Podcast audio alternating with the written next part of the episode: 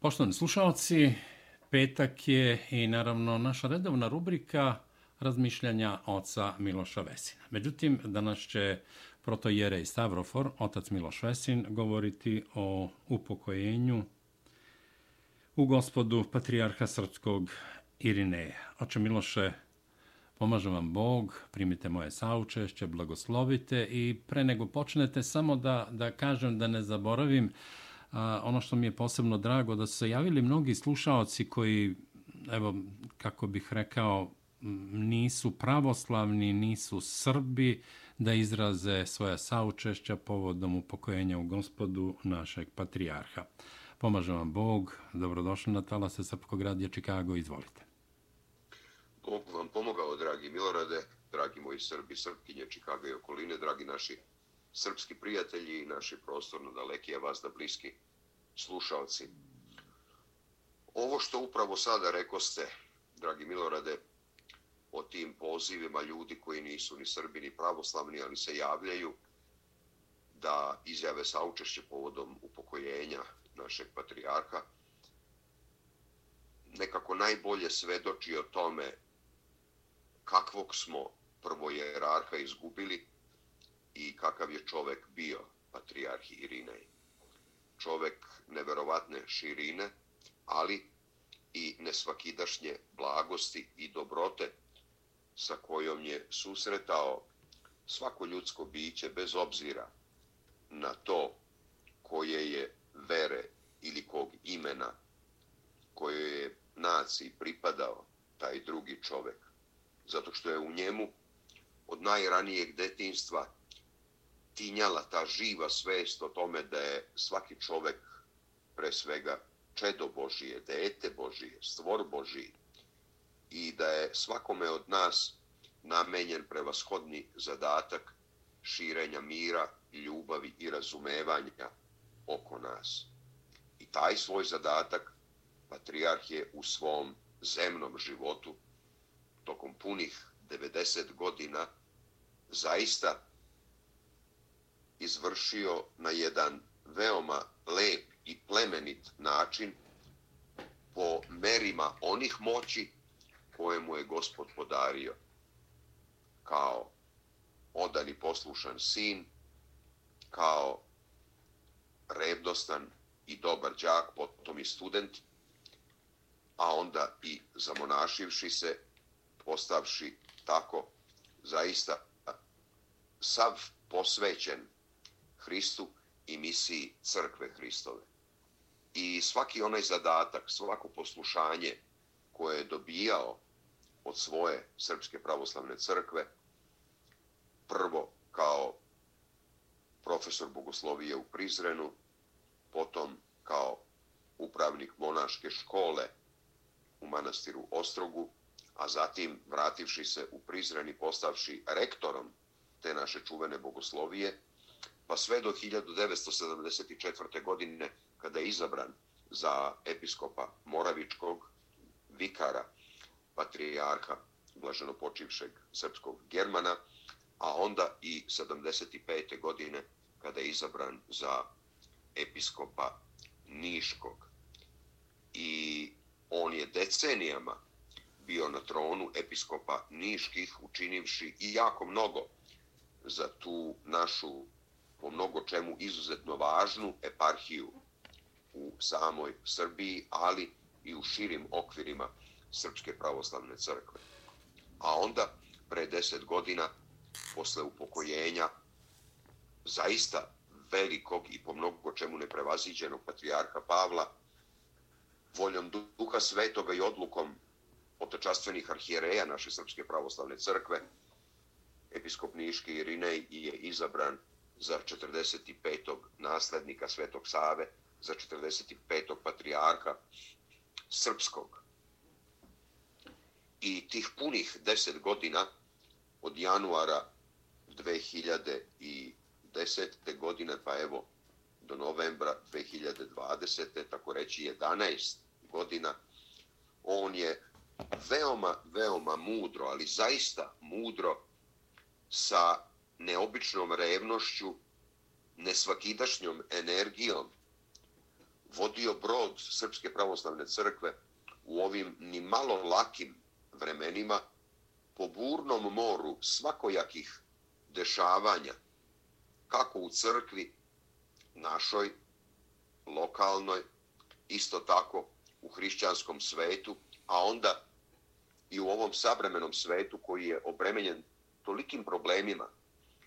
I patrijarh Irinej je umeo, zahvaljujući dubini svoje vere, ali i zahvaljujući postojanosti svoje staloženosti, uvek da se na jedan miran, zdravorazumski, odgovoran način suoči sa bezbrojnim problemima koji su ga čekali i koje je on na jedan samo njemu svojstven način rešavao.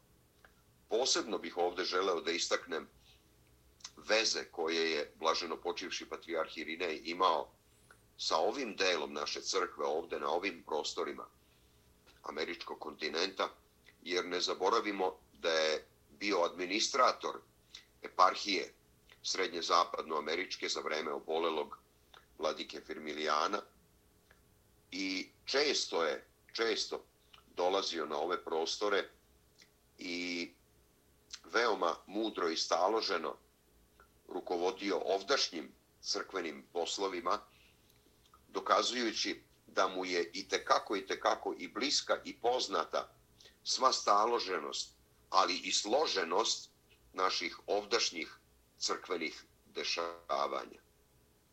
Posebno je bio u vezi i sa našom južnočikaškom parohijom, posjetivši je dva puta zajedno sa renomiranim crkvenim horom Branko, srpskom crkvenom pevačkom družinom iz Niša, kada je 2007. godine ostavio jedan prelep zapis na stranicama našeg evanđelja koje i danas stoji na prestolu naše crkve Svetog Arhangela Mihajla u Lensingu.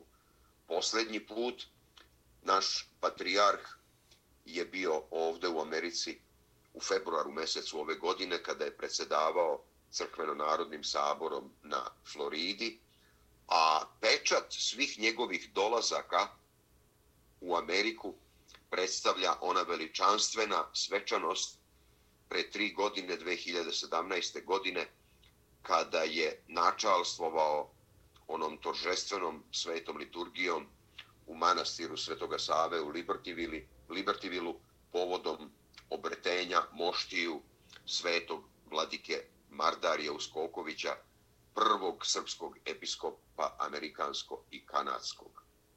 Zaista, gospod je podario svome odanom služitelju, patrijarhu Irineju, da doživi mnoge radosti. Tako je, evo, pre nepunih mesec dana doživeo i da se sklone skele iz hrama Svetoga Save, kada su prvi put u svoj punoći zablistale freske izrađene u mozaiku u tom najvelelepnijem hramu srpskog pravoslavlja, a i jednom od najveličanstvenijih hramova ne samo pravoslavnog hrišćanstva, nego i hrišćanstva uopšte.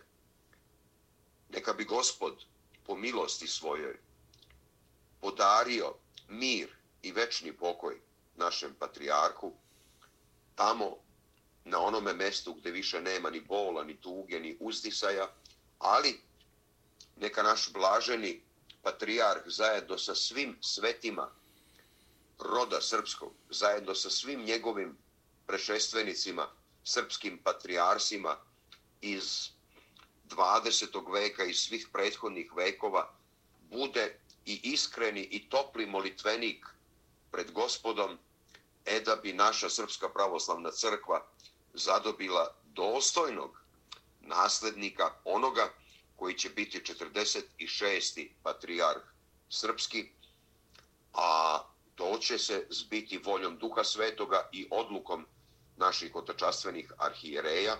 Do tada Sveti arhijerejski sinod će upravljati svim tekućim poslovima naše pomesne crkve, a ulogu mjestobljustitelja, dakle onoga koji čuva upražnjeni tron patrijarha srpskog, vršit će visoko preosvećeni mitropolit Dabro Bosanski Hrizostom kao najstariji episkop po činu, najstariji mitropolit, zapravo član Svetog arhijerejskog sinoda. Neka je gospod milosti duši blaženo počivšeg patrijarha Irineja, ali isto tako i svima nama. Neka je večni pokoj našem novousnulom i dragom patrijarhu Irineju. Bog dušu da mu prosti. Bog dušu da mu prosti. Poštovani slušalci, govori je protojerej Stavrofor, paroh crkve Sveti Arhangel Mihajlo, Lansing, Chicago. Oče Miloše, hvala vam što ste bili gost Srpskog radija Chicago i evo ja bih rekao prvi put i za vas a, zlatousto govorite i kao i obično hvala vam od srca što ste bili gost Srpskog radija Chicago i hvala vam što ste govorili o pokojenomu gospodu Patrijarhu Irineju.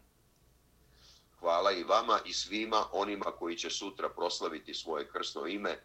Neka je blagoslovena i srećna krsna slava Sveti Arhangel Mihajlo.